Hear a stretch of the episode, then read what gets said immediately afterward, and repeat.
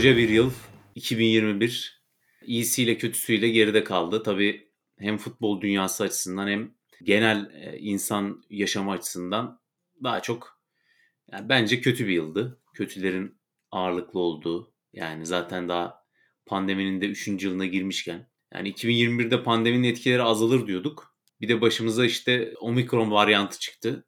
Yani futbol için güzel olan bana göre işte ilk şey taraftarların geri dönmesi oldu. Ama yani bu varyant çıktıktan sonra gerek yani her hafta her takımda çıkan pozitif vakalar, e, gerek taraftarların genel olarak insan sağlığını tehdit eden hani organizasyonlara katılamamasına neden olan bir durum sonuçta.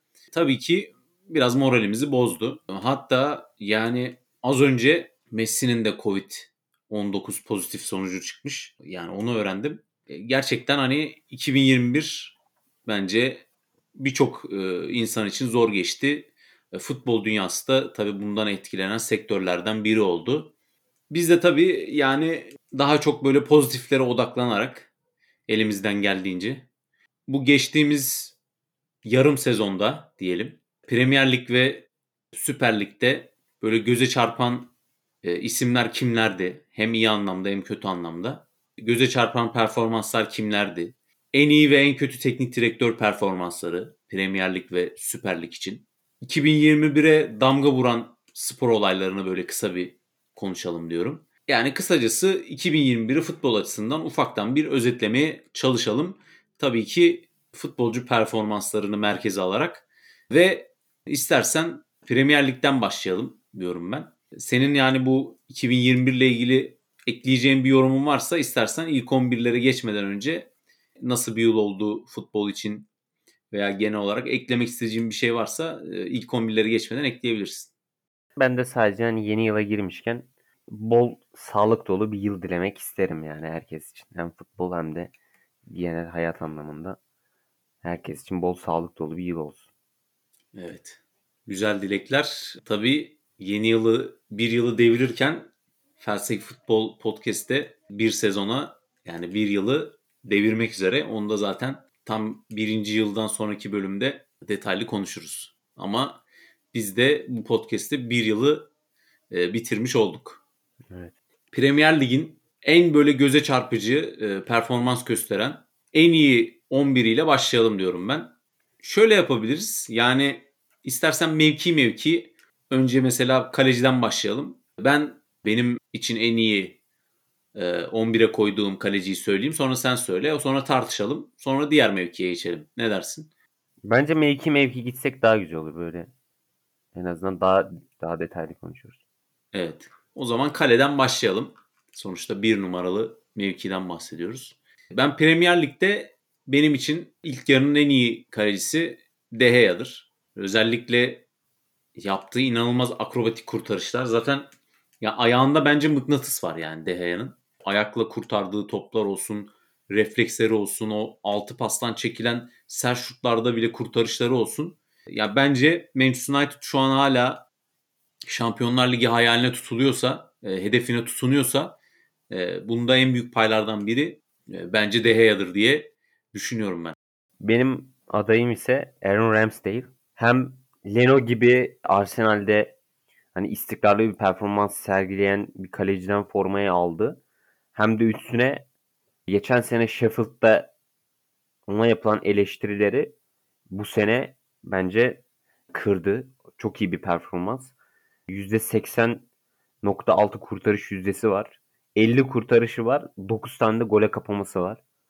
Bence bu sezon çok iyi bir çıkış yakaladı. Böyle de devam ettirecek gibi görünüyor. İngiltere milli takımıyla da maça çıkmayı başardı değil mi Ramsdale? Evet. Yani o da çok önemli bir başarı bence ki yani hani fena da aslında kaleci rotasyonu yok. Yani İngiltere'nin. Tabii canım. Pickford olsun, e, Nick Pope olsun alternatifleri var yani. E, sağ mevkisine geçelim. Sen kimi yazdın sağ mevkisine? Kuşkusuz bence Trent Alexander-Arnold. Liverpool'la A takıma çıktıktan sonra her sene üstüne koyarak gitti. Ve artık çok farklı bir boyut Arnold'un başlığı nokta.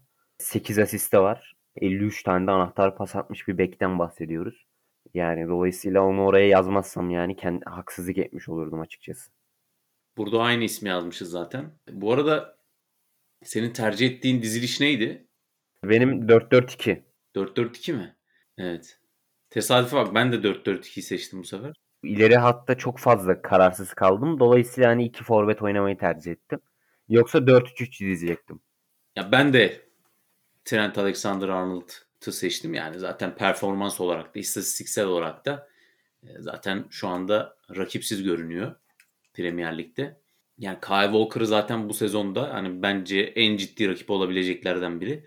Daha defansif bir rolde izliyoruz City'de. Yani Alexander Arnold yaptığı asistlerle, ortalarla, duran toplarda yarattığı tehlikeyle bu geçtiğimiz yarım sezonun bence de en iyi sabiki oldu. Stoper ikilisine geçelim. Benim de stoper ikilimi e, seçerken açıkçası pek zorlanmadım. Bir tanesi zaten Virgil van Dijk. Yani bütün Premier Ligi bir maç izleyen bir insan bile yarım sezonda da çok etkileyici bir performansı vardı. Sakatlık dönüşü insanlarda biraz soru işareti oluşturabilirdi performansı ama bıraktığı yerden devam ediyor. Partnerini de ben e, Rüdiger seçtim çünkü yani bir kere ya benim estetik olarak en beğendiğim stoper yani Premier Lig'de. Driplingleri olsun, liderlik karakteristiği olsun, arkadaşlarını yönlendirmesi olsun. Yani lider ruhlu bir oyuncu. Pasları iyi, gerektiği zaman kritik zamanlarda kafa golü de atıyor.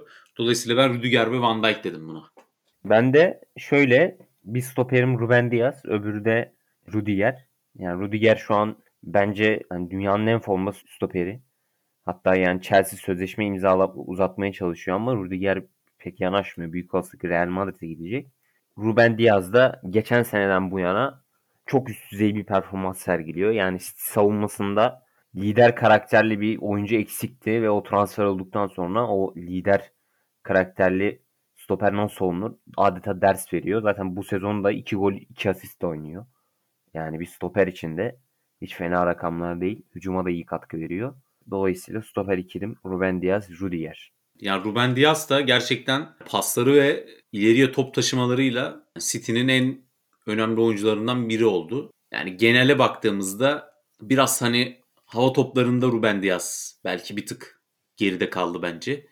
Dolayısıyla Van Dijk'ı tercih ettim. Bir de Van Dijk biraz daha böyle pres yapan bir takımda oynadığı için yani stoper için daha zor. Sonuçta stoper normalde ağır hareket eden bir mevki. Oyuncular fiziklerinden dolayı. Dolayısıyla ben Van Dijk'i seçtim. Sen neden düşünmedin Van Dijk'i? Yani neden Ruben Diaz'ı ter- tercih ettin? Şöyle hani Van Dijk'ı da düşündüm ama hani bana biraz yeni sezonda hani eskisi kadar gene eskisi kadar iyi tabii ki ama eski performansından biraz daha uzak geldi. Üç isim arasında kaldım. Üçüncü isim de Van Dijk'tı. Ama hani güncel performans olarak bu ikili bana daha şey geldi. Mantıklı geldi. Güncel performansa dayalı olarak. Ee, sol bek mevkiine de ben Joao Cancelo dedim. Ne kadar çok yönlü bir oyuncu olduğunu bazen yani ceza sahasına City'nin e, en çok ceza sahasına giren oyuncularından biri oluyor maç içerisinde. E, bazen orta sahada izliyoruz. Bu sezonda savunma zaaflarını da bence hiç fena olmayan bir seviyeye getirdi. E, dolayısıyla ben Joao Cancelo dedim. Senle burada hemfikiriz. Ya Cancelo'nun öyle bir performans sergiliyor ki bana bek olduğunu kimse ispat edemeyecek gibi yani. Öyle bir performans sergiliyor. Yani şimdi diğer beklere bakıyorsun. Bir de Cancelo'ya bakıyorsun. Diyorsun yani ha, böyle bek mi olur diyorsun. Cancelo o kadar çıtayı üst seviyeye çıkardı ki çok değişik bir oyuncu ya. Onu tarif etmek çok zor geliyor artık bana. Üçüncü bölgeye 169 tane pas atmış ya. Böyle bir bek olur mu? Penaltı noktasına 52 tane pas atmış. Bunların hepsi isabetli. Böyle bek olur mu ya? yani dolayısıyla burada hemfikiriz seninle. Dünyada da bence çok rakibi yok yani. Hani işte Gosens olsun. Belki Theo Hernandez olabilir. Yani Milan'dan. İşte Alfonso Davies vesaire yani. Hani ilk beşe çok rahat yazabileceğin dünyada bir bek yani. Evet kesinlikle. Ee, sol açığa gelelim buradan. Direkt üste çıkalım. Sol açık olarak da ben Heung-Min Son dedim. Yani bu sezon Harry Kane'in yani gol yollarında çok kısır kaldığı bir dönemde Tottenham için takımı sırtlayan isim oldu bir yandan. Yani bu kadar hani takım kötü giderken bile parlamasını bildi. E, dolayısıyla ben Heung-Min Son dedim sol açığa. Evet burada benim sürpriz bir isim var. Yani Heung-Min Son ben de yazabilirdim ama yani normalde forvet oyuncusu ama kanatlarda da oynayabildiği için Watford'dan Emmanuel Deniz'i seçtim ben sol açıkta. Yani 8 gol 5 asist Bir de Watford'un da içinde bulunduğu durumu değerlendirirsek orada gerçekten çok iyi performans sergiliyor. Yani takımı taşıyan isimlerden bir tanesi. Sen nasıl buluyorsun Emmanuel Deniz'in performansını? Ya Emmanuel Deniz çok başarılı Watford'da ama biraz da işte hani bu yaptığı yani oyuncu bireysel olarak çok iyi. Mesela Sam Maximan'da Newcastle'da çok iyi. Ama oyuncunun yaptığı işler hani takımın başarısına ne kadar etki ediyor? Biraz da ben ona baktım. Dolayısıyla orada yani Hüminson biraz öne geçti. Ama yani bireysel olarak Emmanuel Deniz de bu sezon çok iyi bir dönem geçiriyor yani onda yatsıyamayız. Diyelim orta sahaya geçelim. Orta sahada sen zaten benim bir kişiyi kim yazdığımı tahmin ediyorsundur. İstersen önce bir tahminini alayım. Henderson. Bu sezon benim favori bir Wonderkid'im var. Kim o? Burada ikimiz büyük olasılık aynı ismi yazdın. Ben de onu yazdım. Conor Gallagher. Evet. Evet. Ben de onu yazdım. Birinci ismim orta saha merkezde Conor Gallagher. Patrick Vieira'nın önderliğinde gerçekten. Zaten geçen geçtiğimiz sezonda West Bromwich'te parlıyordu. Yani adından söz ettireceği belliydi. Ama bu sezon bu kadar iyi bir performans bence kimse beklemiyordu ondan. Ki şu anda bence Chelsea'de ya işte biz hani yarım sezonda acaba çağırsak mı diye düşünüyor olabilir. Ki ben çağırmasını istemem. Yani parladığı yerde parlamaya devam etmesini isterim. Yani bir kere bitmek tükenmek bilmeyen bir enerjisi var. Hiç fena olmayan bir tekniği var. Vazgeçmeyen bir karakteri var. Yani 90. dakika bile vücut diliyle o inancı sergiliyor yani. E, kazanmaya dair inancını sergiliyor. Çok pozitif de bir yani yapısı var. E, dolayısıyla ben direkt Conor Gallagher'ı yazdım. Yanına da yani burada muhtemelen yani daha iyi isimler de olabilir ama yanına da ben Mason Mount'u yazdım. Yani Mason Mount'u neden yazdım? Yani Mason Mount zaten potansiyel olarak dünyanın en iyi orta sahalardan biri olmasına aday yani. Çok yönlülü olsun. Yani gerek 10 numara gibi oynuyor, gerek 6 numara gibi oynuyor, gerek 8 numara gibi oynuyor. Bazen kanat gibi oynuyor. Çok yönlülüğü ve yani enerjisi e, zaten hani kendini belli eden bir oyuncuydu. Sadece benim için birinci sınıf böyle bir oyuncu olmasına engel skorerliği vardı. Bu sezonda onu da hem gol ve asist olarak halletti ve e, ben de bu sebeple yani gösterdiği çıkıştan dolayı e, Mason Mount yazdım. Evet orta saha ikilimiz seninle aynı. Vay. Gallagher bu sene gerçekten çok iyi bir performans sergiliyor. Sana katılıyorum bu arada geri çağırıp çağrılmama konusunda. Umarım çağrılmaz. Mason Mount da hani burada daha önce Chelsea'yi konuşurken bahsettik. O olmayınca gerçekten Chelsea'de oyunun sistemi anlamında bazı bozukluklar oluyor. Özellikle o bağlantı orta saha ve forvet bağlantısını yapan oyuncu. Hem yani eksikliğinde bir oyuncunun değerini en iyi anlayacağınız şey eksikliğinde oluyor. Tıpkı geçen sene e, Liverpool'la Van Dijk'in eksikliği gibi. Dolayısıyla Mason Mount yani buraya girmeyi hak etti. 7 gol 5 asist ki Chelsea'nin de hani Lukaku gibi bir forvetin olduğu yerde Chelsea'nin en skorer oyuncusu olması Mason Mount için de bir artı yazar diye düşünüyorum ben. Ee, buradan da istiyorsan sağ kanada geçelim. Sağ kanada ben ya en az düşündüğüm mevkidir benim sağ kanat. Belki yarım saniye falan düşünmüşümdür yazarken. Ben direkt Salah'ı yazdım. Ben Salah'ı farklı mevkide kullandım. Oraya senin evladın niteliğinde olan Jared Bowen'ı koydum. ha Jared Bowen. Evet. Ta Futbol Manager 2018'de keşfettiğim bu adam olur dediğim hatta Süper Lig kariyerimde transfer edip sonra yüksek meblağlara sattığım bir oyuncuydu Jared Bowen ve gerçek dünyada da beni yanıltmadan benim inancımı sürdürerek devam ediyor. Sen istatistiğini veriyordun en son. Evet yani bu sene David Moyes önderliğindeki West Ham hatta geçen seneden itibaren diyelim. Gerçekten kadronun vazgeçilmez parçalarından ki hani bu senede geçen senenin üstüne koydu. 9 asist 3 gol. Yani belki golü bir tık daha fazla olabilirdi ama asist sayısında gerçekten fark yaratıyor. Dolayısıyla onu sağ kanada yazdım. Ama Salah'ı da tabii ki de kullandım onu da belirteyim. Evet ve forvet mevkine geçelim. Forvet mevkine geçmeden hani Salah'la ilgili de ben de bir iki şey söyleyeyim. Yani hani Salah hani geçtiğimiz sezonlarda Messi, Ronaldo ne yapıyorsa şu an onu yapıyor ya. Eksiğini yapmıyor bence yani. Hani Lewandowski'den bile şu an daha daha iyi bir performans gösterdiğini düşünüyorum ben. E, dolayısıyla Salah'ı yazdım. Daha çok sağ forvet oynadığı için ben burada sağ yazdım. Çünkü forvette ben de başka bir isim düşündüm Salah yerine. E, forvet ikilisinde de ben yine Liverpool'dan bir isim yazdım. E, o da Jota. Yani oynadığı dakika başına daha fazla gol beklentisi yapan bir oyuncu yok Premier Lig'de. Dolayısıyla ben Jota'yı yazdım. E, birinci forvetim olarak. E, yanına da e, tabii ki yani sonuçta hani Örümcek Adam işte Iron Man nasıl bir süper kahramansa Bolda da benim için süper kahraman Ronaldo. Yani Ronaldo'nun olduğu yerde de forvete çok fazla isim yazamayacağım. Dolayısıyla ben Ronaldo'yu yazdım. Hani tabii ki yani duygusal bir giriş yaptım ama yani sadece Ronaldo olduğu için yazmadım. E, Manchester United'ın en kritik maçlarına baktığımızda gol tabelasında Ronaldo'dan başka bir isim yazmadığını e, görürsünüz yani. Dolayısıyla ben de Cristiano Ronaldo dedim. Evet yani ben dediğim gibi Salah'ı forvette kullandığımı söylemiştim ki Salah bence şu an dünyanın en formda oyuncusu. 15 gol 9 asist. Evet. Yani bunu bir de Premier Lig'de yapıyor. E, yanına da seninle hemfikir olduğumuz isim Jota. 10 gol 1 asist. Ve bu arada Jota hani Wolverhampton döneminde böyle bir kanat forvet tarzı bir oyuncuydu. Bence şu an bildiğin komple forvete doğru gidiyor yani. Ronaldo'yu neden düşünmedin? Yani Ronaldo'yu yani dediğim gibi orada sağ kanat biraz hani Ronaldo'yu yazmama engel oldu.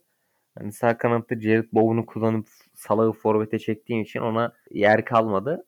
Teknik direktöre kimi yazdın? Premier Lig'in en iyi teknik direktörü olarak ben David Moyes dedim. Yani West Ham'da yani elindeki kadro sınırlı. Şu anda mesela baktığımızda West Ham'ın hani taktik anlayışı o kadar güzel geliyor ki yani izleyenin gözüne. Bir kere oyuncuların yani pozisyonlaması neredeyse kusursuz. Yani rakip soldan geldiği zaman e, sağ kanadın direkt back pozisyonuna otomatikman geçiyor. Sağdan geldiği zaman keza öyle. Ortadan geldiği zaman Declan Rice e, orta stoper mevkisine geçiyor gibi yani müthiş oturmuş bir takım yarattı.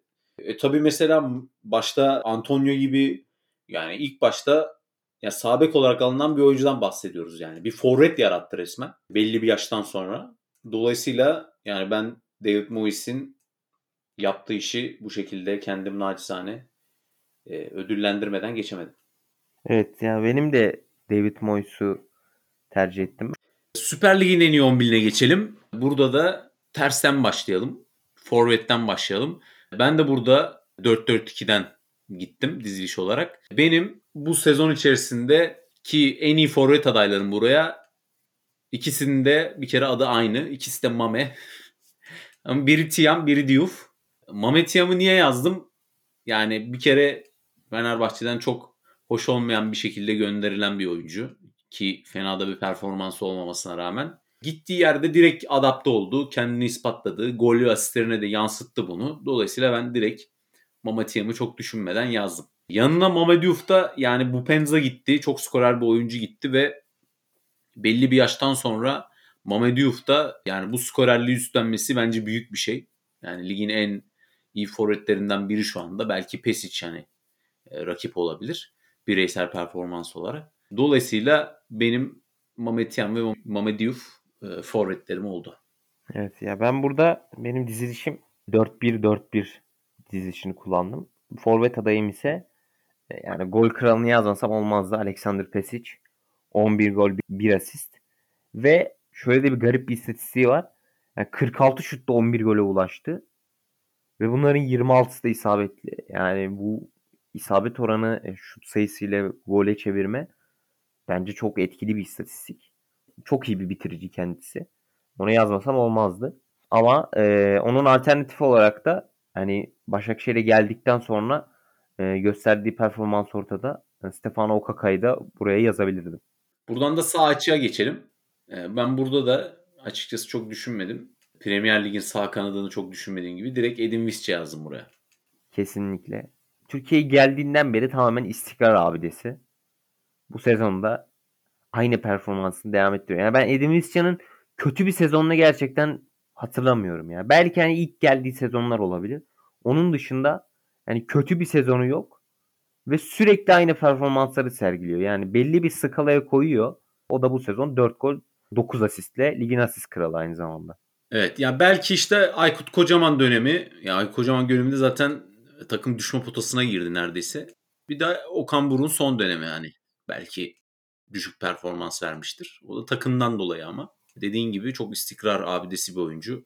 Orta sahaya geçelim. Tabii senin orta sahada 3 isim söyleyeceksin. Ben 2 isim söyleyeceğim. Orta sahaya ben direkt şu anda zaten liderin de e, tandemini oluşturan Hamşik ve Bakasetas'ı yazdım. Ya Bakasetas zaten yapamadığı şey yok hani neredeyse. E, Hamşik de yani e, adeta Trabzonspor'un beyni rolünde şu anda. E, takımın da durumu ortada. Dolayısıyla ben orta sahaya Hamşik ve Bakasetas'ı yazdım. Hamşik Bakasetas ikilisi bende de var. Yani bana göre Hamşik zaten büyük olasılık sezonun olacaktır ama ilk yarının bence MVP'si. Trabzonspor'a kattıkları çok önemli. En çok şut pası veren oyuncu ligde. 31 şut pası. 1307 pasın 1131'i başarılı. Bu sıralamada da gene birinci ve 15 anahtar pasla gene birinci. Adeta Trabzonspor'un kalbi diyebiliriz Hamşik için.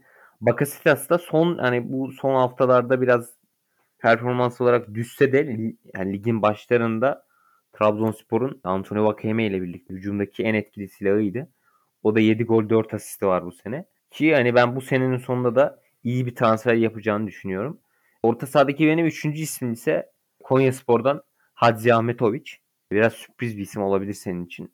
Son olarak da hatta Galatasaray ile de adı anıldı. Bosna'da oynarken daha çok hücumcu bir oyuncuydu. 10 numara veya hücumcu 8 gibiydi. Ama İlhan Palut yönetimindeki Konya Spor'da oyun kuran 6 numaraya evrildi. Savunmasını geliştirdi.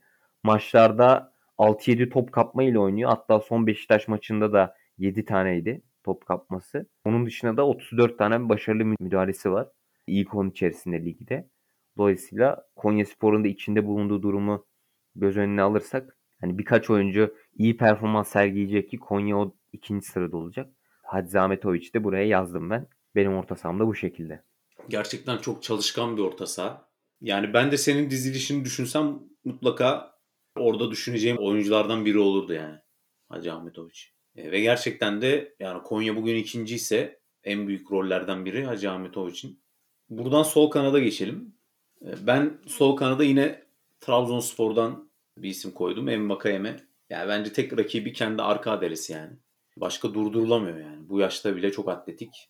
Skor tabelasına da bunu yansıtıyor bu atletikliğini. Dolayısıyla ben daha iyi bir isim.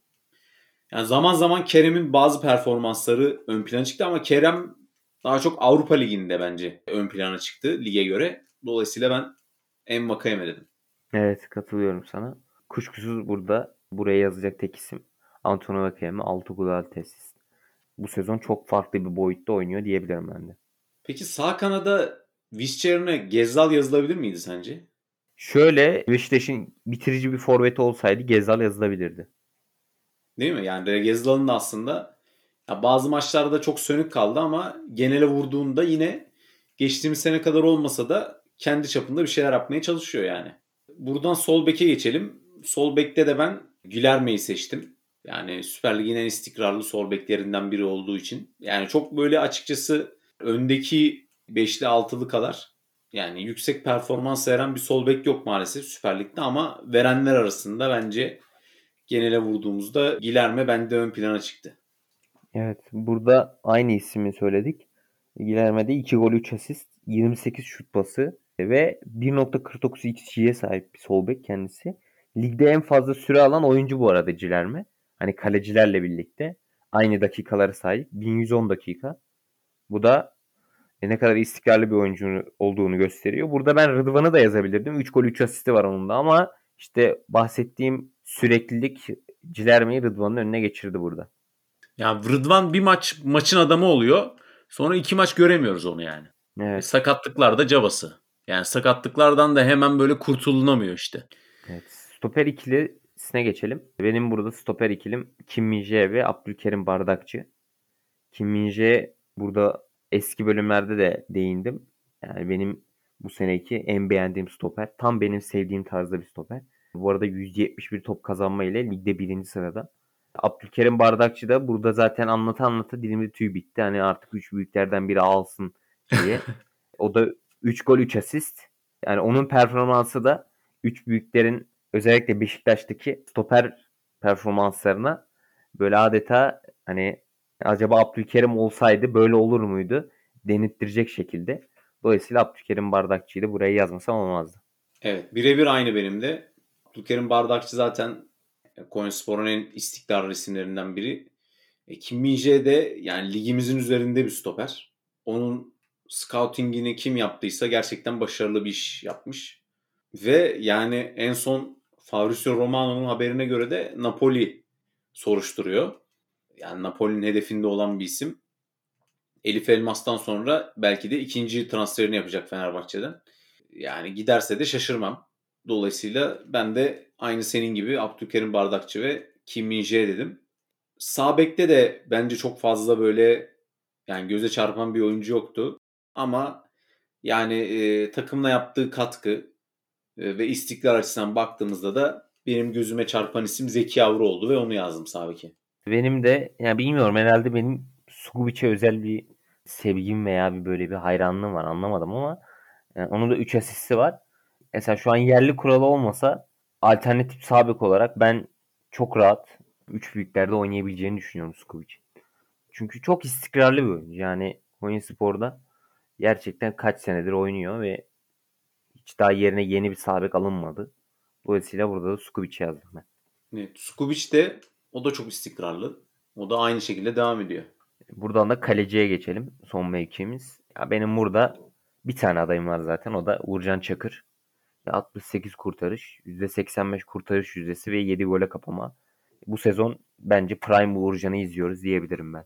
Yani Uğurcan olmasa puan farkı bu kadar olmazdı. Net söyleyebilirim bunu yani. Çünkü yani daha önce de değerlendirmiştik zaten Trabzonspor'un defansını. Yani hücumla arasında çok e, mesafe var. Yani hücumun geldiği seviyeyle Trabzonspor'da defansın şu anda olduğu seviye arasında çok fark var. Defansı bir kere şampiyon olacak bir defans değil e, Trabzonspor'un. Ama işte Uğurcan Çakır gibi bir e, MVP gerçekten de birçok maçı kurtarıyor. En iyi teknik direktör olarak e, kimi seçtin? Ben burada Konya Spor'la yaptıklarından dolayı İlhan Palut'u seçtim. Evet. Ben de İlhan Palut'u seçtim. Düşme potasında yani o civarlarda yüzen bir ekibi alıp e, şu anda bu konuma getirmesinde en büyük e, pay sahibi olan isimlerden biri. Yani elindeki malzeme sınırlı olmasına rağmen bence çok iyi değerlendirdi. Ve ben de dolayısıyla İlhan Palut dedim. İstersen kısaca en kötülerden de bahsedelim. Süper Lig'den devam edelim. Yani benim için yani en fazla beni hayal kırıklığına uğratan teknik direktör bu sezon. Yani 2021-2022 sezonunda şu ana kadar. Sergen Yalçın'dı ve dolayısıyla ben Sergen Yalçın'ı seçtim. Yani böyle bir sezondan sonra 2020-2021 sezonunda müthiş bir futbol, müthiş bir şampiyonluk. Ama yani bu kadar fark olmamalı bence bir sonraki sezonda şampiyon olmamanızı anlarım ama ya performans olarak da takımla bağını çok kopardı. Kendi potansiyelinin çok altına düştü. Dolayısıyla ben Sergen Yalçın dedim. Evet burada sana katılıyorum ve hem katılmakla birlikte bir de alternatif isim de söyleyebilirim. O da benim için Çağdaş Atan. Yani geçen sene Alanya ile yaptıkları çok başarılıydı. Ama sezon başında maalesef görevinden alındı. O da benim için bir ayar kırıklığıdır Çağdaş Atan'la Süper Lig'de. E, ama tabii Çağdaş Atan'ın da kadrosu çok bozuldu. Yani Sergen Yalçın'dan dezavantaj olarak onu söyleyebiliriz. Sergen Yalçın'a bilakis kadrosunun gücü arttı yani. Abu Bakar dışında kaybettiği oyuncu yok. Premier Lig'de de benim için yani en hayal kırıklığı yaratan e, teknik direktördü Nuno Espirito Santo. Yani Tottenham'ın zaten birinci tercihi değildi. İlk önce Conte'ye gittiler ama Conte'nin şartlarından dolayı ve kulübün sahibi Daniel Levy'nin de biraz hani e, kesesini sıkı tutan bir adam olduğunu bilindiği için ilk Conte'nin taleplerini reddettiler ve yani Wolverhampton'la o sürede e, o sırada e, yollar ayrılmış olan Nuno Espirito'ya yöneldiler ve çok iyi de başladı. Hatta yani Ağustos'ta Premier Lig'in en iyi teknik direktörü seçildi. Ama yani böyle bir ödül aldıktan sonra direkt yani 180 derece dönüp bu kadar kötü bir performans e, sergilemesi ve Tottenham'ı ligin gerisinde 10. sıradan altına atması. Dolayısıyla ben Nuno Espirito Santo dedim. Ya ben burada hani galiba City Tottenham maçını konuşmuştuk ligin ilk haftasında. Orada ben demiştim hani iyi başlangıç yaptı ama böyle gitmeyecek diye. Dolayısıyla hani orada böyle bir şey olacağını bildiğim için onu yazmadım. Benim burada iki teknik direktör adayım. Bielsa o da şu yüzden. Hani biraz inadını kırsa doğru bildiklerinde ısrar etmese çok daha farklı bir yerde olabilirdi Leeds. Yani bir süre eksiği var hala adam adama savunma falan yapmaya çalışıyor. Dolayısıyla burada adayım Bielsa benim. Evet. Çok inatçı değil mi? Evet. Ya belki de takıntı derecesinde inatçı. Ee, onun dışında yani böyle 11 olarak değil de e, Süper Lig'de böyle gözüne çarpan sana en büyük hayal kırıklığı yaratan böyle isimler e, kimlerdi sence başlıca? Şöyle birkaç isim sayayım. Benim Galatasaray'dan 3 ismim var. Biri Gustavo As Asuncao. Yani FM oynayanlar bilir nerelere geldiğini, potansiyelini. Yani benim FM'de çok tercih ettiğim futbolculardan bir tanesi ama Galatasaray'ın rotasyonunda neredeyse hiç giremedi. Ve hani madem bu kadar yetersizdi niye transfer ettiniz? Onu da anlamış değilim. Galatasaray'ın bence şu an hani yapılandırmaya girdi Galatasaray. Çoğu genç oyuncusunda e, ilerlemeden fazla gerileme var.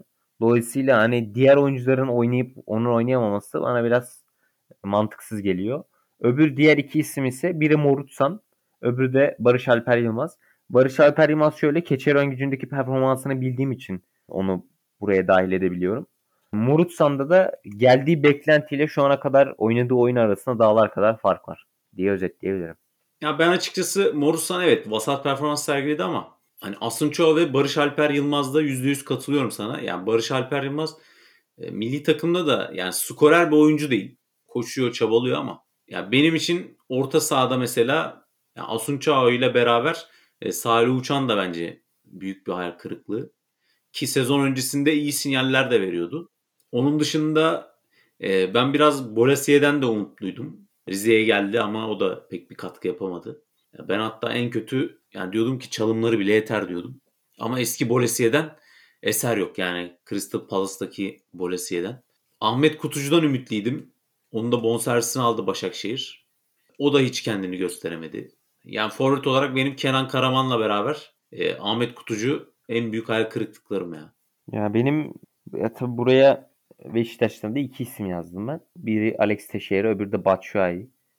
Ee, Alex Teixeira yani biraz basit oynasa neler yapabileceğini gösterecek ama hala burayı Çin Ligi zannediyor. Dolayısıyla onu yazdım. Batshuayi de kariyeri dolayısıyla taraftarları heyecanlandıran bir isimdi ama Abu Bakar gibi birinin arkasından hemen arkasından transfer edildiği için biraz sanki hayal kırıklığına uğradı Beşiktaş taraftarı diyebilirim. Yani potansiyeline benim çok inandığım İrfan Can da bence bu sezonda çok iyi bir yani İrfan Can Eğribayat e, Göztepe'nin kalecisi. Çok iyi bir performans gösteremedi. Bence o da yani diğer e, meslektaşlarının çok gölgesinde kaldı bu sezonda. Zaten Göztepe'nin ligdeki sıralaması da malum. Yani son son yılların en kötü Göztepe'sini izliyoruz. O da bu e, kötü gidişatın bence sebeplerinden biri. Evet katılıyorum sana. Premier Lig'de gözüne çarpan kötü performanslar var mı? Yani çok şey beklediğim ama beni hayal kırıklığına uğratan performanslar var. Bunlardan listenin başlarında Billy Gilmore geliyor Norwich'te. Yani bir kere milli takımda oynadığının yani %75'e kadar oynasa e, yetiyor zaten Koçya'da oynadığının ama oynayamıyor yani Norwich'te. Tabii sadece kendisiyle alakalı değil. Onun dışında Junior Firpa var. Yani Barcelona'dan gelip bu kadar kötü performans göstereceğini ben beklemiyordum açıkçası Leeds'te. Onun dışında potansiyeline çok inandığım Tarık Lamptey. O da bu sezon kendini gösteremedi. Yani büyük bir at, sakatlık atlattık tabii geçtiğimiz sezon ama herkes Van Dijk gibi vücut sindeliğini koruyamıyor tabii. O yüzden e, Lamptey'i de söyleyebilirim. Ve son olarak da yani yine yetenekli bulduğum gençlerden Joe Willock. E, Newcastle'da şu anda çok vasat bir performans sergiliyor. Evet ya ben burada tamamen fiyat performans olarak gittim. Yani mesela Jack Grealish benim için bir hayal kırıklığıdır. Hmm. Yani verilen parayla gösterdiği performans arasında çok büyük fark var. Onun dışında Jadon Sancho da bence öyle. Yani bunlar çok büyük mevlalara transfer edilmiş futbolcular. Ama gösterdikleri performans o paraların biraz altında kalıyor bana göre. Onun dışında Konate'yi söyleyebilirim. Yani belki de dünyanın en potansiyelli genç stoperleri arasında ama mesela daha yeni yeni oynamaya başladı ve hani Van Dijk'ın olmadığında da biraz sırıttı diyebilirim. Da son olarak da Ozan Kabak'ı söyleyebilirim. Ozan Kabak da Norveç için çok büyük beklentiyle transfer edildi. Ama Ozan Kabak bitmiş yani. Eto bitmiş vardı ya Ozan Kabak da bitmiş yani. Öyle performans sergiliyor adeta. Ya son maçı felaketti zaten. Yani direkt onun pas hatasından gol yendi. Yani Liverpool demek ki gerçekten bir şeyleri biliyormuş. Çünkü e, ilk başta 15 milyon çok iyi bir rakam gibi duruyor Ozan Kabak için. Yani satın alma opsiyonu vardı Liverpool'un ve kullanmadılar. Onun yerine 40 milyona Konate'yi aldılar. Gerçekten de bildikleri bir şey varmış bence. Yani Jadon Sancho da bir süredir tabii İngiliz futbolundan uzak. Ve yani Manchester United'ın kadro yapısı da aslında çok uygun değil. E, Ronaldo geldikten sonra da tabii bütün dikkatler Ronaldo'ya çevrildi. E, biraz da onun gölgesinde kaldı. E, sol tarafta da Rashford'ı kesmesi zor. Yani dolayısıyla yani özellikle Solskjaer döneminde çok fazla forma şansı bulamadı ama ya Radnik'te en azından bir şansı daha var şu anda. E, her ne kadar yani ilk maçlarda tercih etti ama e, yine bence bekleyeni veremedi ilk maçlarda da ama en azından Ragnik bence daha fazla şans verecektir Solskjaer'e göre. Çünkü Solskjaer yani Van de Beek'e de acımadı. Yani gençleri kesmekte hiç öyle sıkıntı yaşamıyordu. Ama Ragnik biraz daha gençlere güvenen bir yapısı var. E, gençlerin dinamizmine yönelen bir yapısı var. Belki ikinci bir fırsat elde edebilir yani. Ama Jack Grealish de şöyle yani Sterling'i yedek bırakacak kadar bence oynamıyor yani. Evet oynuyor. İyi performansları da var ama yani Sterling'i biraz yazık ediyor bence Pep Guardiola ve City. Son olarak 2021 yılının sence en çarpıcı spor olayı? Yani bence kuşkusuz Eriksen'in başına gelenler çok üzücü bir olaydı. Ama orada yani hem yani buna en kötü olayı diyebilirim Eriksen'in başına gelen. En iyi olayı da buna söyleyebilirim. O da yani Simon Kia'nın orada hemen gidip ilk müdahaleyi yapması, arkadaşının hayatını kurtarması. Dolayısıyla Christian Eriksen olayı diyebilirim ben. Evet. Yani bir laf vardır işte her süper kahraman pelerin takmaz diye. E, gerçekten orada insanları yönlendirmesi, hatta kendisi de o çalışmaya katılması, hayat kurtarma çalışmasına, eşini teselli etmesi Eriksen'in. Yani o soğukkanlılık öyle bir durumda dünya üzerinde yapacak insan sınırlıdır onun. Ve yani Simon Kea gerçekten de müthiş bir iş başardı yani. Hani bunu futbol vesaire hikaye yani hani müthiş bir iş başardı. Yani bir hayat kurtardı olarak düşünebiliriz. Gerçekten büyük bir trajedi. Ama bu trajedinin daha da büyümesini e, engelleyen faktörlerden biri ve tabii ki bence burada kahramanlardan biri e, hakem Anthony Taylor. Yani belki hatalı kararlar veriyor bazen Premier Lig'de ama orada hemen maçı durdurup sağlık görevlilerini çağırması, olayın ciddiyetini anlayıp ve oradaki sağlık görevlilerin zamanında gelmesi. Bütün prosedürlerin olması gerektiği gibi uygulanması ve sonunda gerçekten de en azından trajik bir sonla bitmemesi bizim için de çok e, sevindiriciydi ve ben de tıpkı senin gibi Eriksen'in e, kalbinin durması ve sonunda hayata döndürülmesi olarak 2021'in en büyük futbol olayı olarak e, örnek verebilirim.